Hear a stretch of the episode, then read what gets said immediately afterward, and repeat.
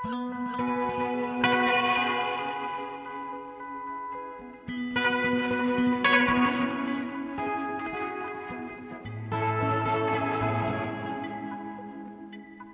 sæl hlustundu góðir, við sjá dagsins býður upp á nýjar útsetningar af lögum Jónasar og Jónsmúla Árnasonar, heimsókn í kjallara Skálhaldskirkju og Ólíu, Svikaskaldana.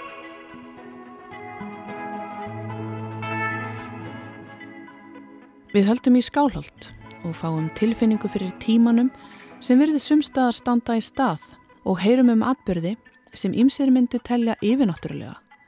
Þorgjörður Ása fór ofan í kjallara skálhaldskirkju með Herdísi Fridriksdóttur framkvæmdastjóra staðarins. Þar sem við heyrum meðal annars af fordleifa uppgreftri, lindardómum og fornum eftirmælum. Uppáhellingarnir er frekar ung hljómsveit sem var að leggja loka hönd á hljómblötu með nýjum útsetningum af lögum Jónasar og Jónsmúla Árnasona. Uppáhellingarnir eru þeir Andrei Röggvaldur og Stengrimur Karl úr Moses Hightower auk þeirra Sigriðar Torlasjus og Mattiasar Hemstokk.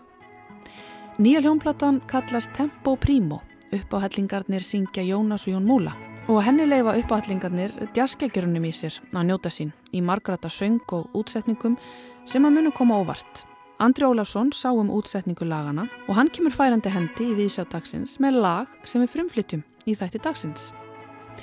Og Gauti Kristmansson, hann fjallar um ólíu sem er fyrsta skaldsaga höfundrahópsins Svikaskálda sem áður hafa getið sér gott orð fyrir ljóðverk sín og margskonar bókmenta uppakomur. En við byrjum á ljúfum tónum.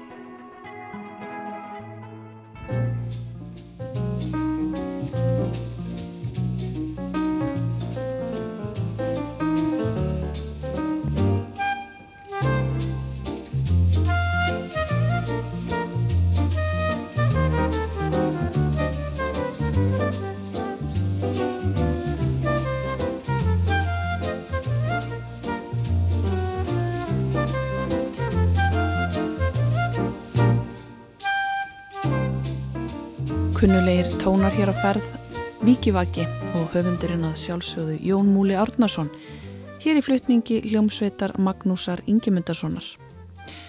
Eins og hlustendum er sennilega orðið kunnugtum þá hefði Jón Múli fagnað 100 árum á þessu ári. Tímamótunum hefur verið fagnað með tónleikum, útvarsþáttum og hér á rú voru óglimanleir djastþættir hans endurfluttir um nokkra hríð af þessu tilefni og tónlistarfólk heiðrar minninguna með nýjum útgáfum. Heyrum smá brot af splungunýri útgáfu af læginu Tempo Primo.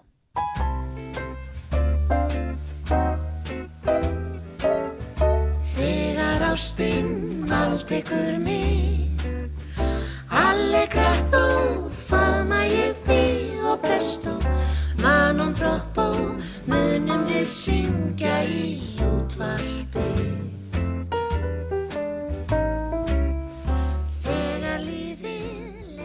Hér heyru við titilag hljómplötu sem hefur verið smíðum í nokkur tíma og sem er núna nánast tilbúin. Þetta er lægið Tempo Primo, lag og texti eftir Jón Múla en í glæniri útgáfu upp á hellingana. En það er nýtt band sem þeir Andri Ólafsson, Rögnvaldur Borgþórsson og Stengrimur Karl Tík úr Moses Hightower skipa á samt Sigriði Torlasjus og Mattiasi Hemstokk á trommum. Gestasöngvarar á blötunni eru þau Salome Katrín Magnúsdóttir og Sigurður Guðmundsson. Hljómplata uppáhallingana mun kallast Tempo Primo uppáhallingarnir syngja Jónas og Jón Múla. Andri Ólafsson sem útsettur öll lögin á nýju blötunni leit við hér í Vísjá í morgun og hann byrjaði því að segja mig frá sínum fyrstu kinnum af melodíum Jóns Múla.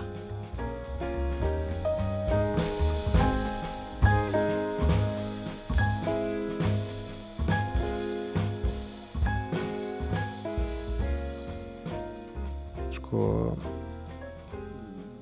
bara kynntist lögunum hérna, vinsalastu lögunum bara sem smakar ekki eins og eins og flestir allavega á mínum aldri og, og öllum aldri þar á endan ég veit ekki hvernig það er með æskuna í dag en við erum allavega að reyna að leggja okkar á mörgum til þess að halda því áfram. En svo, jújú, jú, í grunnskóla þá hérna var mér þess að setja upp svona samantækt á sönglíkjunum þeirra Jónsmóla og Jónasar og maður fekk þá að spila þá tónlist og svo þegar maður fór út í að spila hérna uh, jazz setna meir menturskóla þá var þá var þetta svona íslenski katalókurinn sem eru svona innan gæslappa alvöru jazzlög.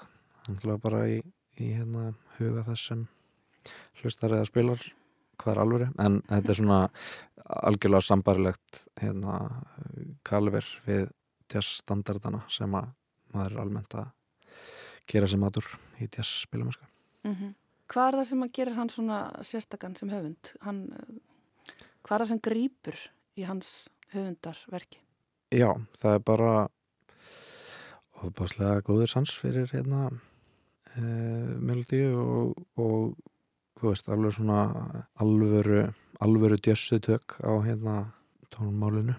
Hann náttúrulega bara fyldist uh, svakalega vel með jafnóðum og, og hérna þessir frægustu erlendu höfundar var að kviða sér hljóðs og, og hérna jazzin svona jazz og pop voru ennþá svolítið sami hluturinn. Uh, hann að fram eftir fram eftir sjötta áratögnum uh, hann er bara með það og, og ég menna þeir báðir mm -hmm. en hérna mm -hmm.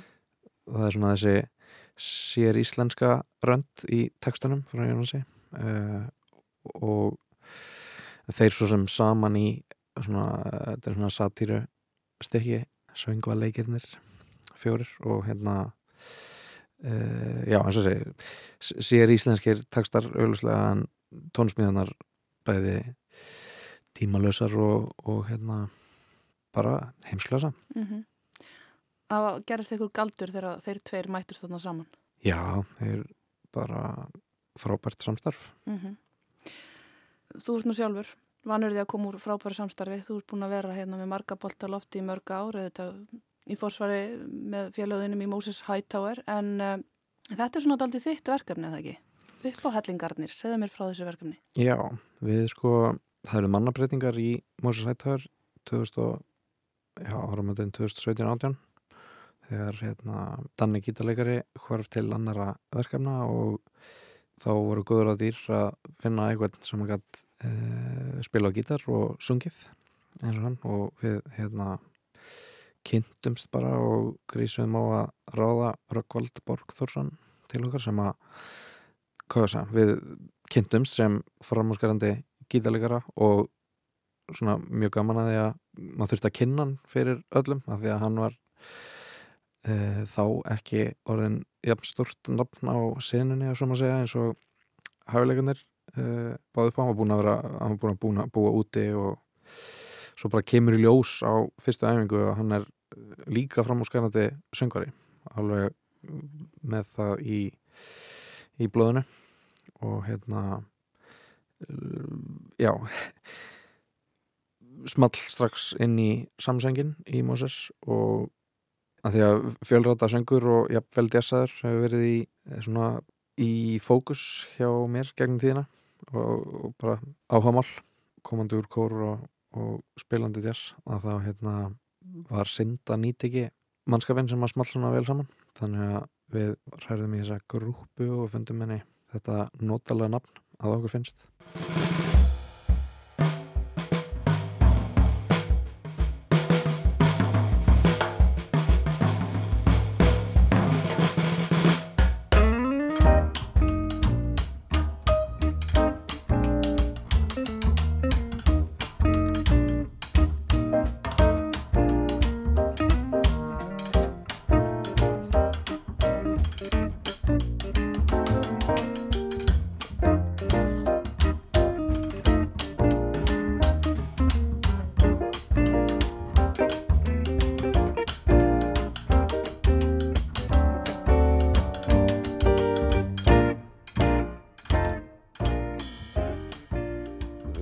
í grunninn frekar krefjandi sko að syngja svona það sem er kallað close harmony eða þjættrata útsetningar sem eru svona þetta djassaða samt þar sem að maður er endalist að uh, maður, það er svona engin autopilot sem virkar í að syngja lög svona.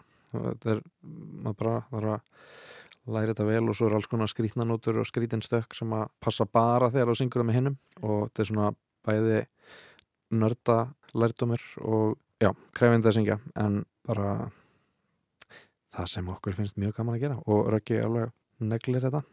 Verði kýrt, verði hljótt. Sofðu vært, sofðu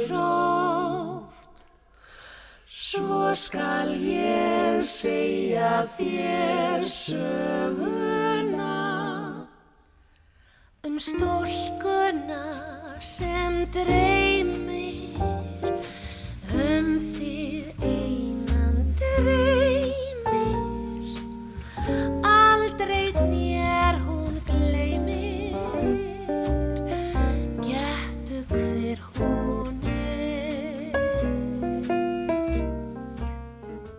Hefði þið ákveðið að fara saman í það að fara í höfundaverk Jónasar og Jóns Múla. Já, það við vorum búin að taka nokkur áður en að hérna, COVID skall á og svo bara leiða þessu aldaramæli og þá var þetta au- augljós möguleg útrás fyrir þessa hérna, close harmony tendensa að, að gera þetta, þetta verkefni með þessari grúpu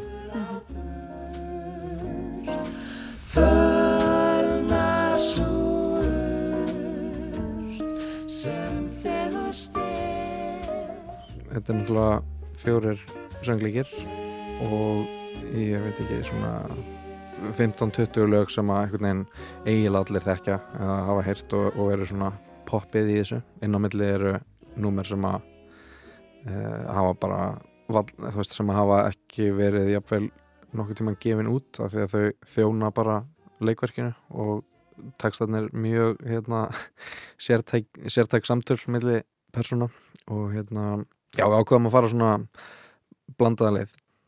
Vinsalu lögin með hérna uh, þar sem að manni fannst maður geta bætt einhverju við og svo líka að láta skína í einhver skrítnari númer inn á milli.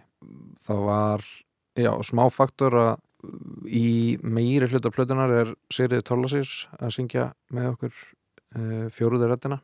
Þannig næst svona þetta almennilega close harmony uh, sound og hérna hún náttúrulega gaf út sko Jónsmála plötu með heiðurspiltum hvað 2009 eða eitthvað svo leis ber þá plötu uppi og er þar með búin að gefa út útgáfur af nokkrum af vinsælstu lögunum eða nokkrum af lögunum á plötunni þannig að uh, maður reyndi að vera ekki að endurtaka það þannig að uh, þau lög sem að eins og ljúlingshóll Steini syngur það og, og hérna hvað er að Steini líka. Uh, þar er aðalhuturki og ég leiði Kavatínu Kristínar svo þetta er svona númer sem að Sigga er búin að afgreða og þetta er svona en þar sem þetta er meira grúpufílingur þá, þá, þá er þetta ekkert sami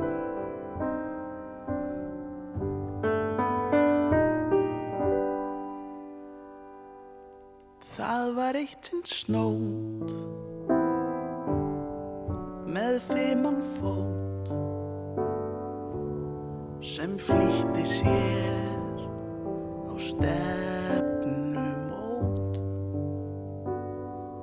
Sumar aftan sín. Er sólin blíð til sveps var gengin bak við löngu hlýð og meðan spóa spjall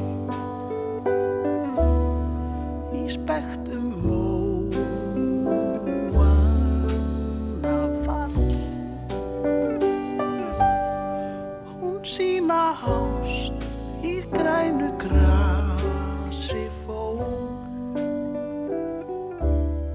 sem grer á ljúli En þið eru að setja svona ykkar mark gerir ráð fyrir á laugin. Þetta er svona af því sem ég hef heyrt allavega. Þetta verður, þetta verður svona hvað nýjar og kannski líka óvæntar útsetningar að segja mér hans frá. Var ekki gaman að útsetja þessi lög? Jú, þetta er svona pínu útsetjara verkefni og svona útsetjara plata og þá ég veið að maður svona uh, já, maður er ekki að útsetja til þess að einhvern veginn búa til eitthvað uh, sem þarf að slá í gegn heldur bara hafa, uh, já, skemmta sjálfum sér og kannski reyna líka að hafa plötuna þá um, koma við það við að já, hafa þetta svolítið fullbreytilegt og hérna svona tónlistarlega áhugavert. Svo er fólk að dæma hvernig tókst til en uh, þetta er allavega mjög góð skemmtun fyrir mig og svo er bara uh, þetta er svona og þetta er fleiri.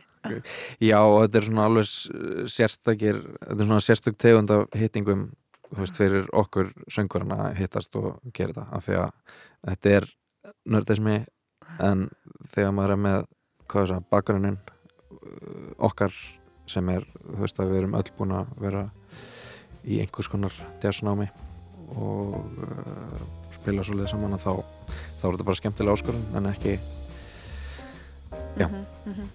Ég veist ekki um að gleðin muni skýna þannig gegn hérna, fáum að heyra hér að lókum Andri Ólarsson Lægið, Tempo Primo Þetta ekki segja mér ástuð frá því? Og þá erum við setjuð það af stað.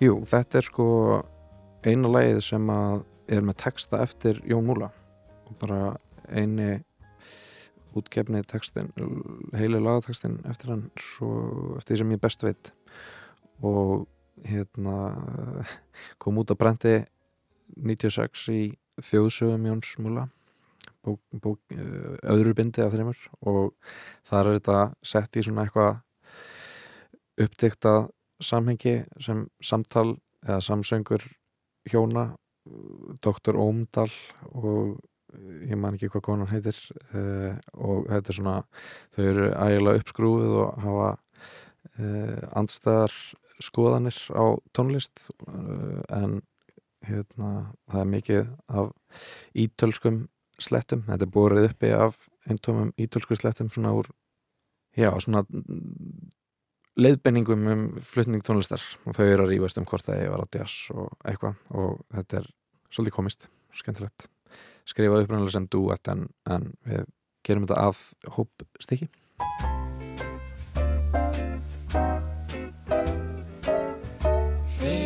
Ástinn allt ykkur mig Allegretto faðma ég þig og presto Manon troppo munum við syngja í útvarpi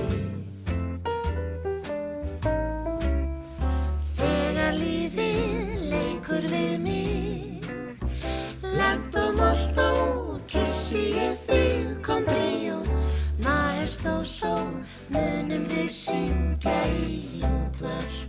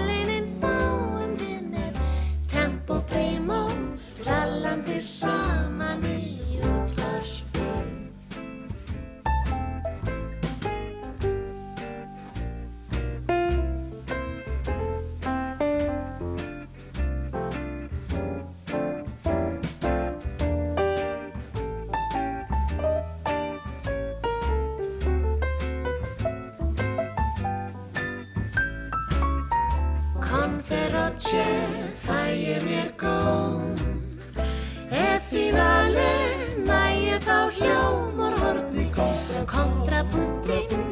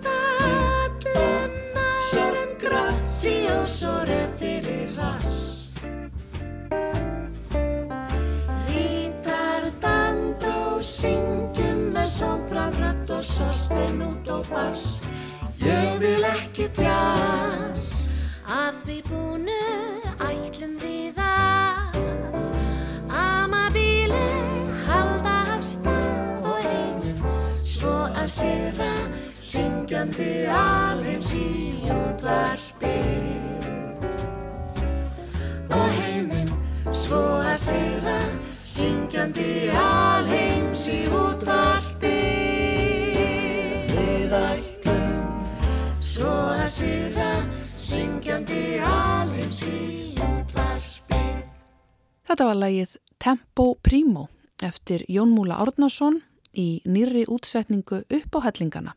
Hljómsveit sem sett var saman til að flytja lög þeirra Jónasar og Jóns Múla í nýjum útsetningum.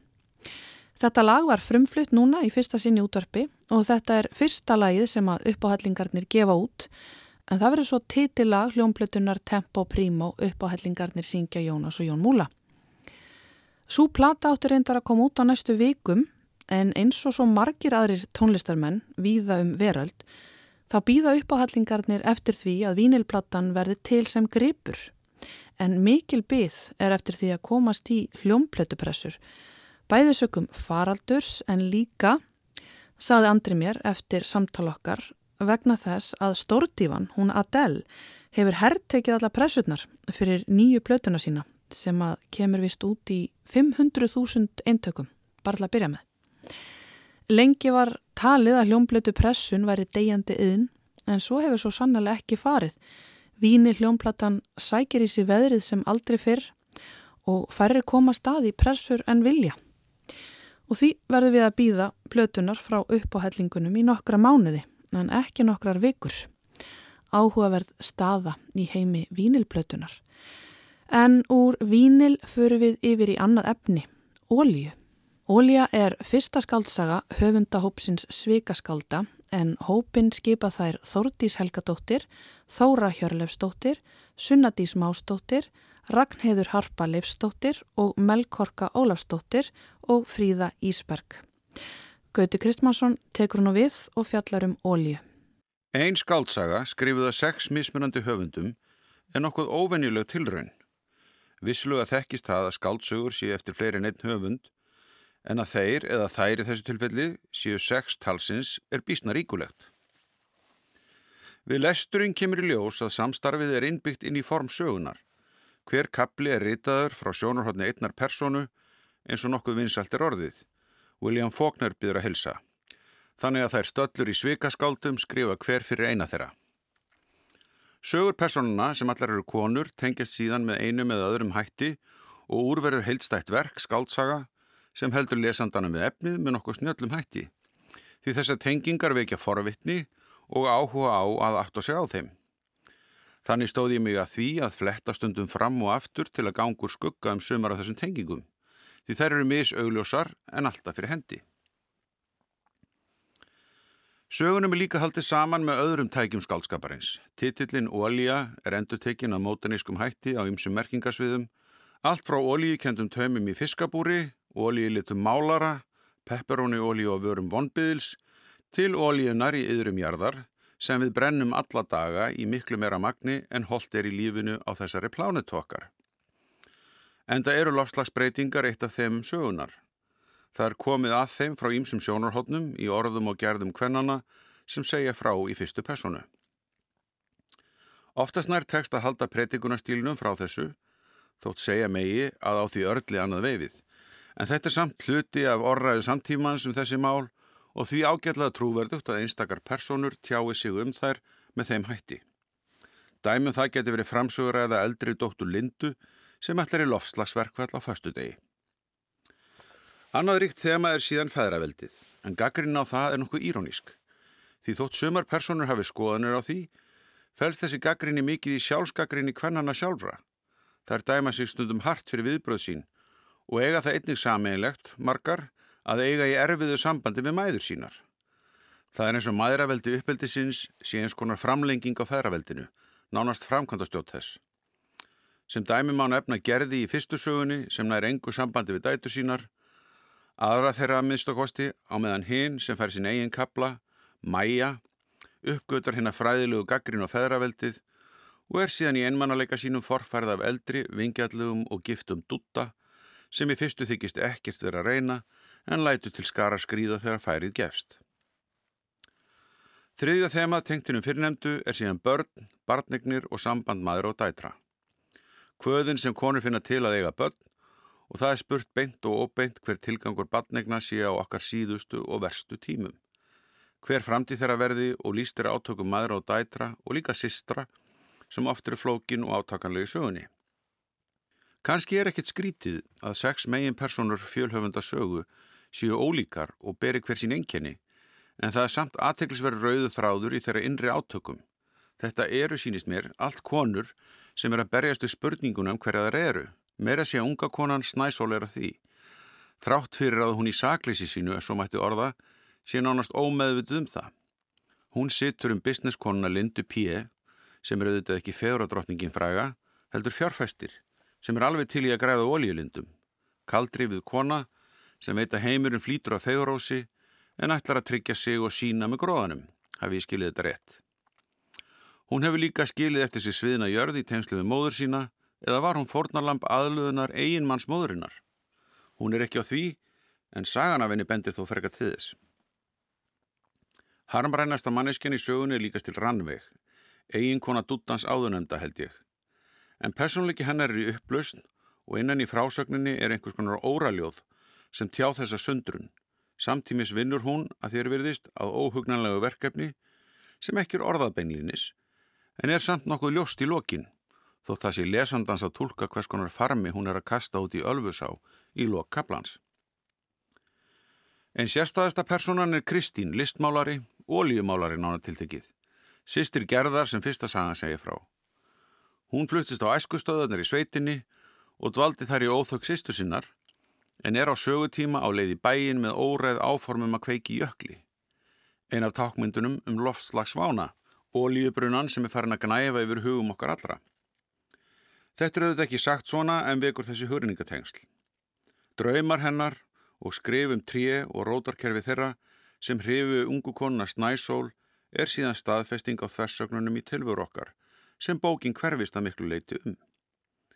Þessar þversagnir er að vissuleiti uppspretta upplausnarinnar í lífið þessara kvenna, upplausnar sem á rætur að reykja til samskipta og hugsunarleisis, vanvirð okkar við náttúruna og einhver raunverulegu gildi í lífinu. Personunar gaggrína, hatast og ólmast, en hugmyndi þeirra lausnum sínast mér alltaf enda í blindgötu. Þær finna enga leið fyrir sig aðra en örvendinguna og hella alltaf óli og eldin því fyrirgefið orðalegin. En sagan ólja rýfur í margar tilfinningar og hugmyndir um samtíma okkar og kannski einmitt vegna þess að í henni koma saman sex höfundar, sex personur, sex sjónarhorn sem ofinbera máttleysi okkar allra í samtímanum. Tengingarnar á milli personuna sína líka að vandin er sennilegast fólkin í sambandsleysi milli manneskja og fyrringu þeirra frá sér sjálfum. Það er ágættis áminning. En hvað svo?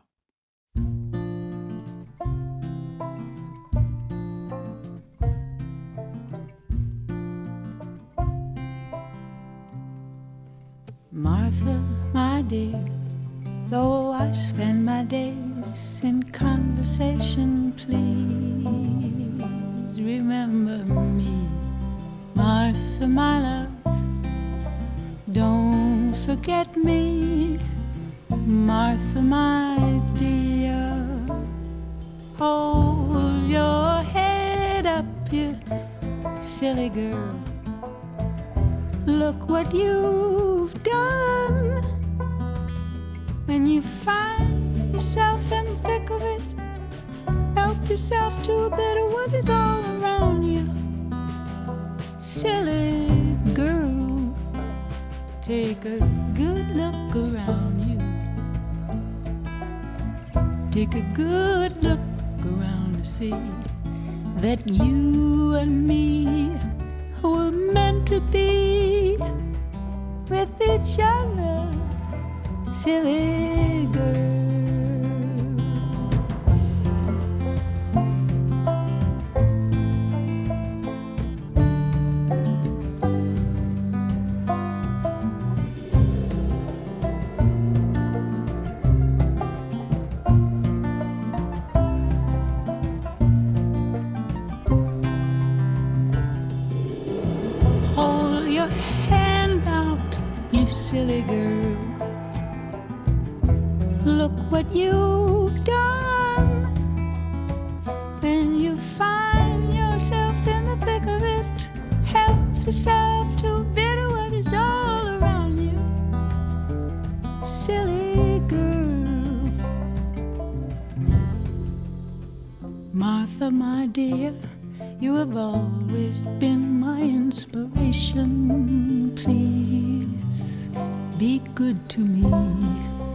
Martha, my love, don't forget me. Martha, my dear.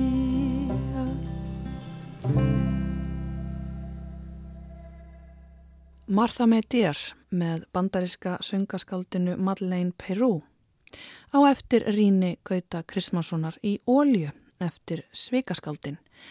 En eh, við höldum nú í Skálholt þar sem að Herdís Fridriksdóttir leiti Þorgerði Ásu um sapnið í kjallara Skálholtskirkju.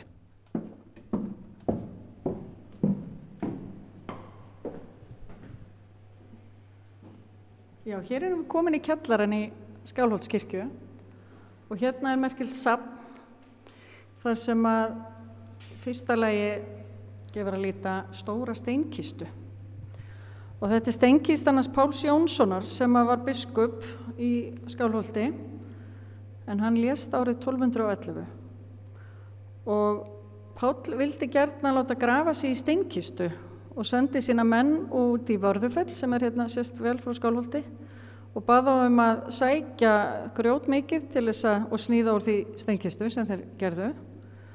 En þetta var þá síður í Evrópa á þessu tíma og hann vildi svona vera eins og kongarnir og drottningarnir í Evrópu af því þetta var eins og tíska þá Þannig að hann hefur ferðast þangað og séð orðið fyrir áhrifum tísku ströyma þar. Eða...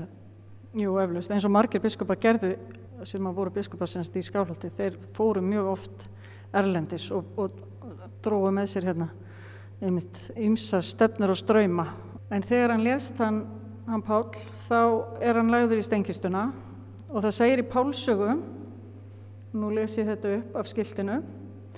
Fyrirburður urði við dauða Páls. Jörðin skalf og pipraði af ótta.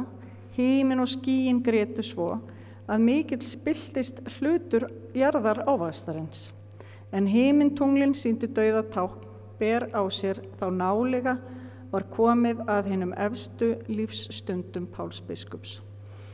Og þetta þýðir í rauninni að það varð algjörst úrhelli þegar hann var lagðið til hinstu kvílu og svo mikið úrhelli að það varð uppskerubaristur. Og síðan líður tíminn og þetta er sérst árið 1211 sem hann uh, lést og var jarðaður og, og hann var settur ofan í gólfið í kirkjunni eins og var síður um biskupa og biskupsfrúr á þeim tíma og, og í rauninni allar aldir þarna á eftir. Og svo liggur bara þessi kista þarna og það segir ekkert af henni aftur og það er enginn sem verður var við hana eða grefur hana upp sagt, eftir, eftir þannan viðburð.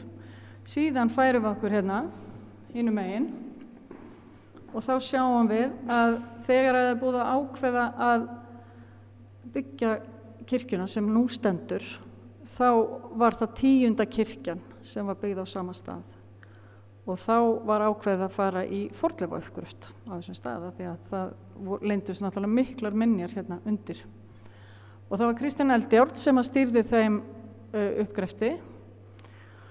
Og hann vissi náttúrulega um steinkistuna en fólk var farið að halda að þetta væri hugsanlega bara einhver mýta að þessi kista væri ekkert til vegna þess að enginn hafði orðið var við hana síðan að Páll lést. En það, það sagt, voru að óska sér að þetta væri þetta, hún myndi leynast þarna og, og hann er með mikinn flokk með sér hann Kristján til þess að grafa upp og svo í dag þá er hann statur í Reykjavík og, og hérna svo fara hann síntal um að kistan sé líklega fundin og hann verður náttúrulega mjög spenntur og byður mennin um að gera ekki neitt bara býða þóng til hann kæmi og hann brunar yfir helliseðan og maður getur ímyndað sér að hann hafi verið sagt, við flýtt sér en það var þá náttúrulega helliseiðin var þá bara malavegur og bílarnir ekki eins og í dag þannig að það hefur, hann, það hefur tekið lengri tíma heldur en þessu klukkutími sem það tekur í dag. Síðan kemur hann á svæðið og þeir byrja að hérna, hreyfa við lókinu og það er svona súld. Maður sér það hérna á mynd að, að hérna, fólk er svona vel klætt og, og svona rigningalegt á að líta. En það sapnað, sapnað saman mikið af fólki hérna á sveitafélaginu og það voru bladamenn og aðrir sem voru mætti til að sjá síðan byrjar það að hreyfa við lókinu og þá byrjar það að regna og þegar það sjá í höfukúpun á honum þá kemur algjört úrhelli og það regnir eins og hefur aldrei regnt hér áður í biskustungum og fólk hefur ekki, sko, elstu menn mun ekki annaðis. Wow. Og þetta er svolítið merkilegt að þetta skildi hafa gerst svona á, á þessum tímum og það er til upptaka af þessu í, á rúf. Í dag var opnuð í skálholti kistasúr sem talinni vera kista Páls Biskus Jónssonar er andaðist árið 1211. Ekki var þar fjölmend, en talsverður hópur manna var þá viðstatur, þar á meðal prestarmarkir úr skálholtstifti, því að aðalfendur prestafélag Suðurland stóð yfir í skálholti í dag.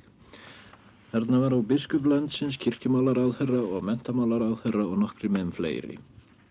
Gengið hafði á með regnskúrum og voru kleppirnar í gamla kirkjugrunninum blöytar og hálar af leðju, en þarna hefur mikið verið grafið í sumar eins og kunnugt er og grassverðinum verið flett af á stóru svæði. Kristján Eldjárn þjóðminjavörður sem beð þess að uppstýtti segir nú nokkur orð um rannsóknirnar. Rannsóknirnar hér í Skálholti hafa nú staðið yfir í rúmlega tvo mánuði og eru þó hvergi nærri enn til lykta leddar. Það er fyrir löngu búið að taka grasróta af öllu gamla kirkjustæði og við sjáum nú, erum þegar búin að rannsaka að mestu leiti grundvöllin undan inn í svonumdu Brynjóls kirkju, þar að segja kirkjunu sem reist var hér á 17. öld. Austur, austan við þann grunn eru, eru grunnar undan miklu eldri kirkjubyggingum, það er miðalda kirkjunar sem verið hafa miklu stærri heldur en Brynjóls kirkja. Og við erum nú einmitt núna að einbeitt okkur við að fá fram útlínur þessari kirkna. Uh, Miðaldakirkjan hefur verið ágálega stór, sem sagt, krosskirkja.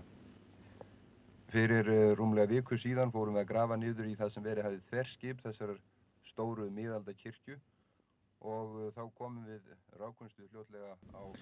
Og nú var komið að aðtöfninni sjálfri, fólk skipaði sér umhverfi stældina þar sem steinkistan stóð og beð þess að hún erði opnuð, en prestar sungu sálm, Te Deum, áður en hreftirði við steinlokinu á kistunni.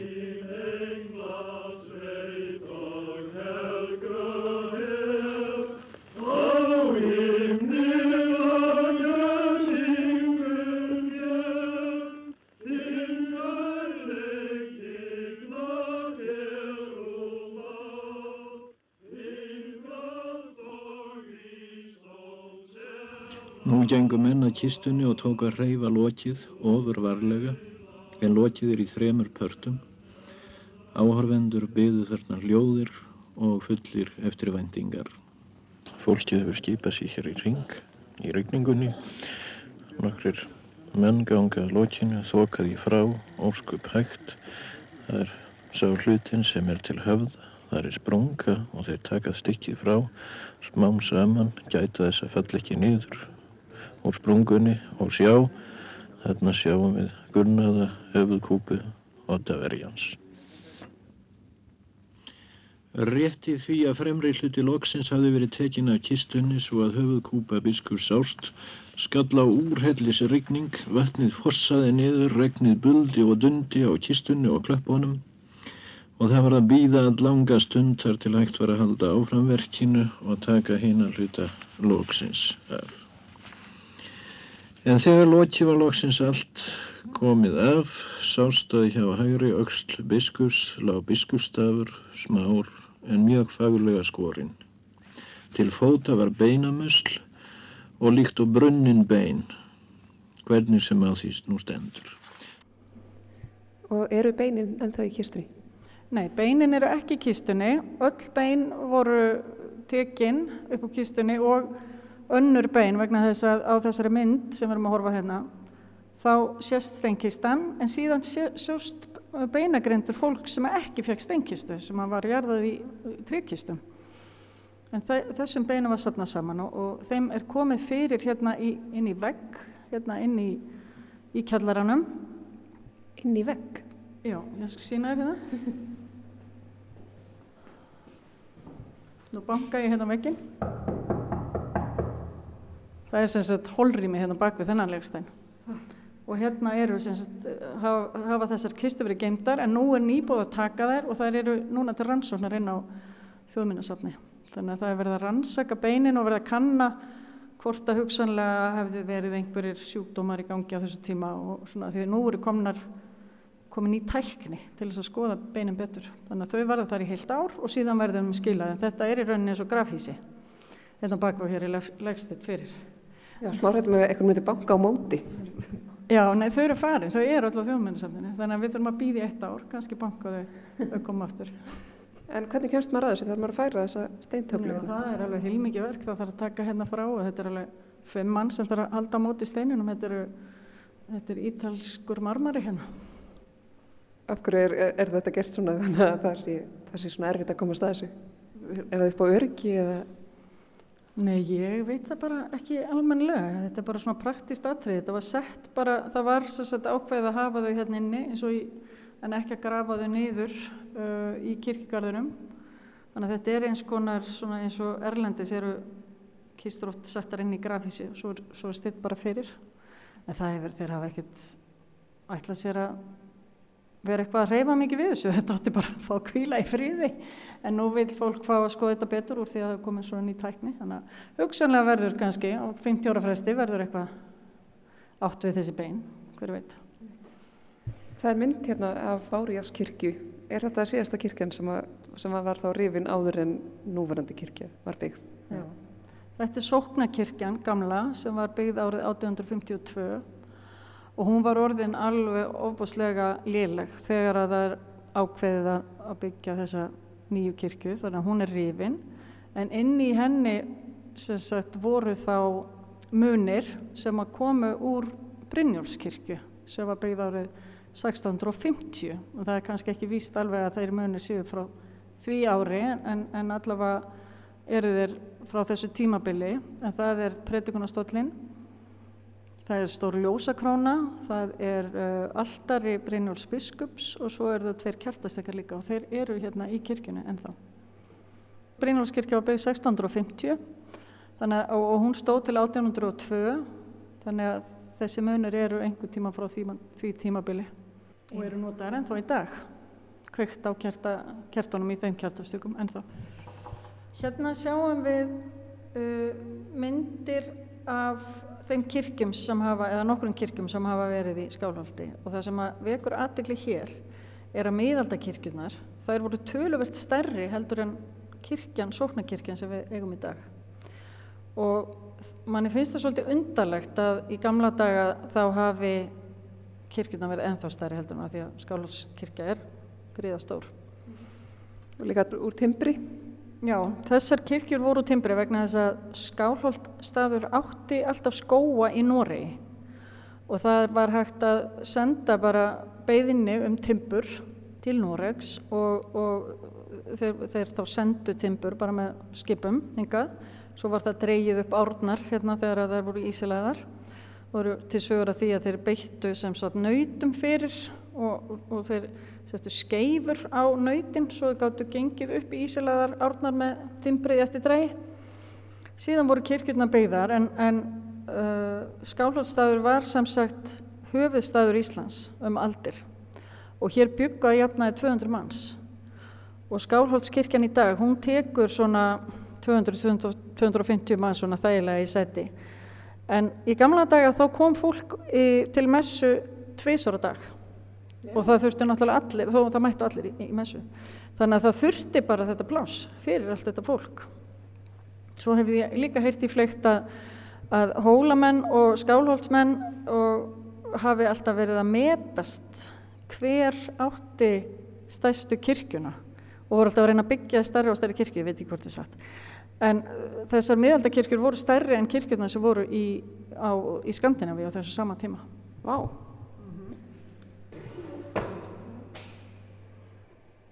Hérna er hleri sem að fannst uh, þegar að uh, gamla sóknarkirkjan sem var á undan þessari kirkju þegar hún var rifin.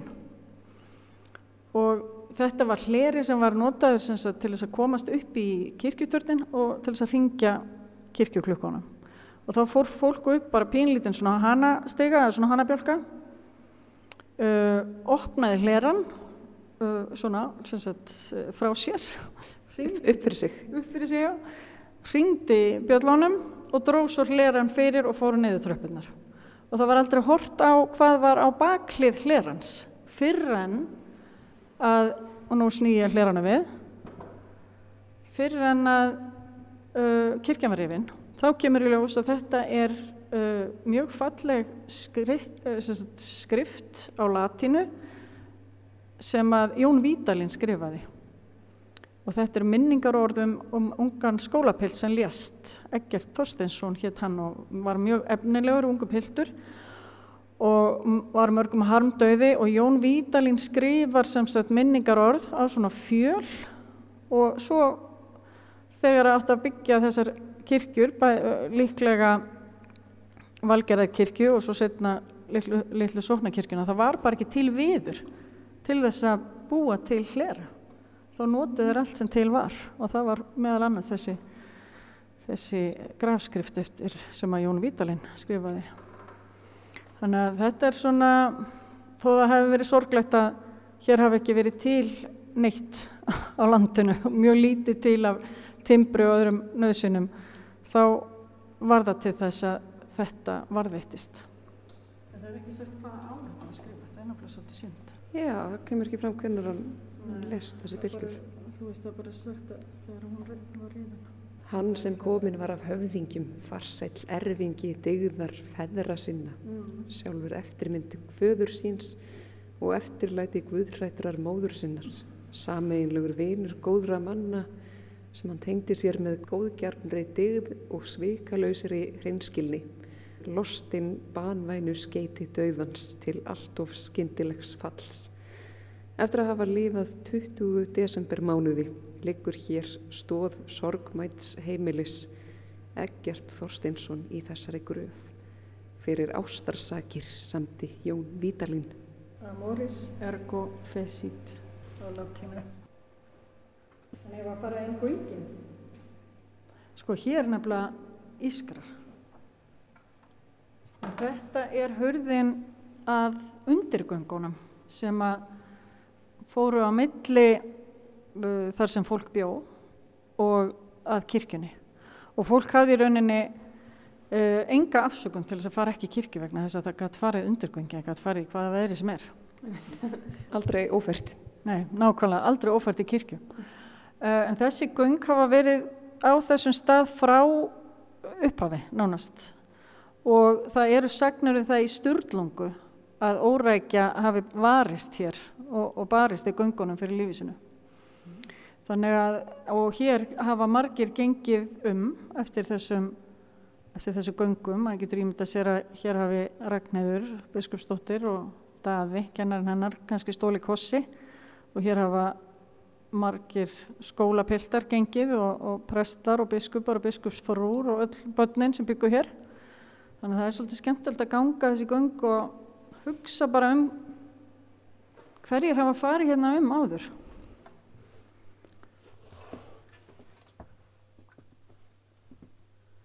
Hér er kallt. Já, það er kallt og það er svo, það er svo mikil moldarlegt hérna inni. Og maður heyrir hvað, sko hljóðið er allt öðruvísi hérna inni heldur en svo er svo dásalegt að þegar ljósaperurnar eru farnar þá er þetta svona ennþá draugalega sko. Já, þetta er nógu draugilegt fyrir, sko. Já, já, það er alveg, Með torfveggina. það er eitthvað að kreiki hér sko. Það er alveg klart. Og þá kemur maður bara út. Já, það ertu bara komin út. Grílukerti hérna. Já. Þau hafa verið endur gerð en samt sem áður er, er þetta svona sem þau hafa líklega litið út í gegnum aldirnar. En hingað á, hingað á fólk að koma og, og fá svona þess tilfinningu fyrir tímanum og hvernig tíminn hefur staðið í stað um aldir.